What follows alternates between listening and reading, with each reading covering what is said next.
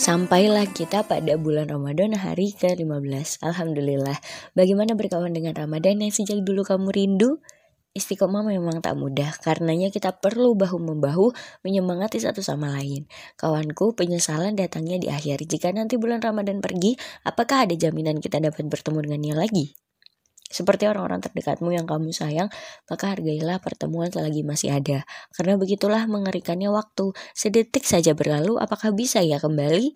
Kemarin kita bertemu, mengisi waktu dengan canda tawa, dengan bahagia yang menghidupi jiwa. Sekarang ia ke mana? Kita ingin merasakan yang kembali, tapi waktu yang datang tidak pernah lagi sama. Apa yang membuat semangatmu surut? Ayo kita analisa. Hal yang pertama harus kita lakukan adalah mengenali penyebabnya. Kenali penghalangnya. Bagaimana kamu mengisi 15 hari di bulan Ramadan yang telah berlalu? Apakah sudah menjamu Ramadan dengan baik? Apakah sudah menjamu Ramadan dengan penuh adab? Karena dunia ini adalah tipu daya, maka tidak bisa dipungkiri bahwa dunia dan segala isinya sering kali membuat kita terlena. Ada banyak hal yang bisa melalaikan kita dari manisnya bulan Ramadan. Hal ini perlu kita kenali dan ini penting agar kita terhindar darinya. Berapa lama sih kita berselancar di sosial media setiap hari? Kegiatan tersebut jika kita lakukan dengan berlebihan maka tentu dapat mengurangi waktu kita dalam beribadah, dalam fokus kita beribadah di bulan Ramadan dalam tadarus Quran kita pun dalam melaksanakan ibadah-ibadah yang lain.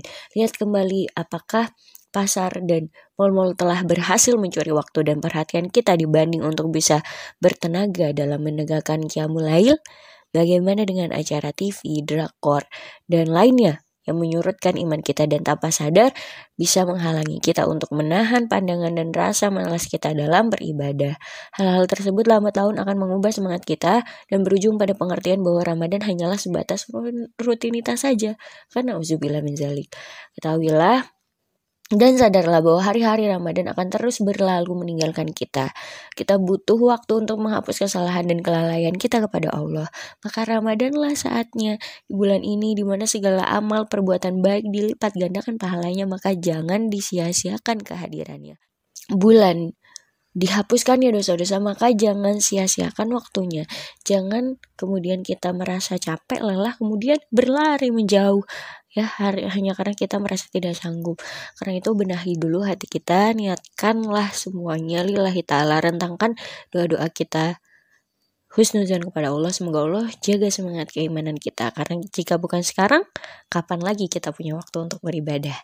Jika bukan sekarang kapan lagi kita punya waktu untuk berbenah oral or anong biswag.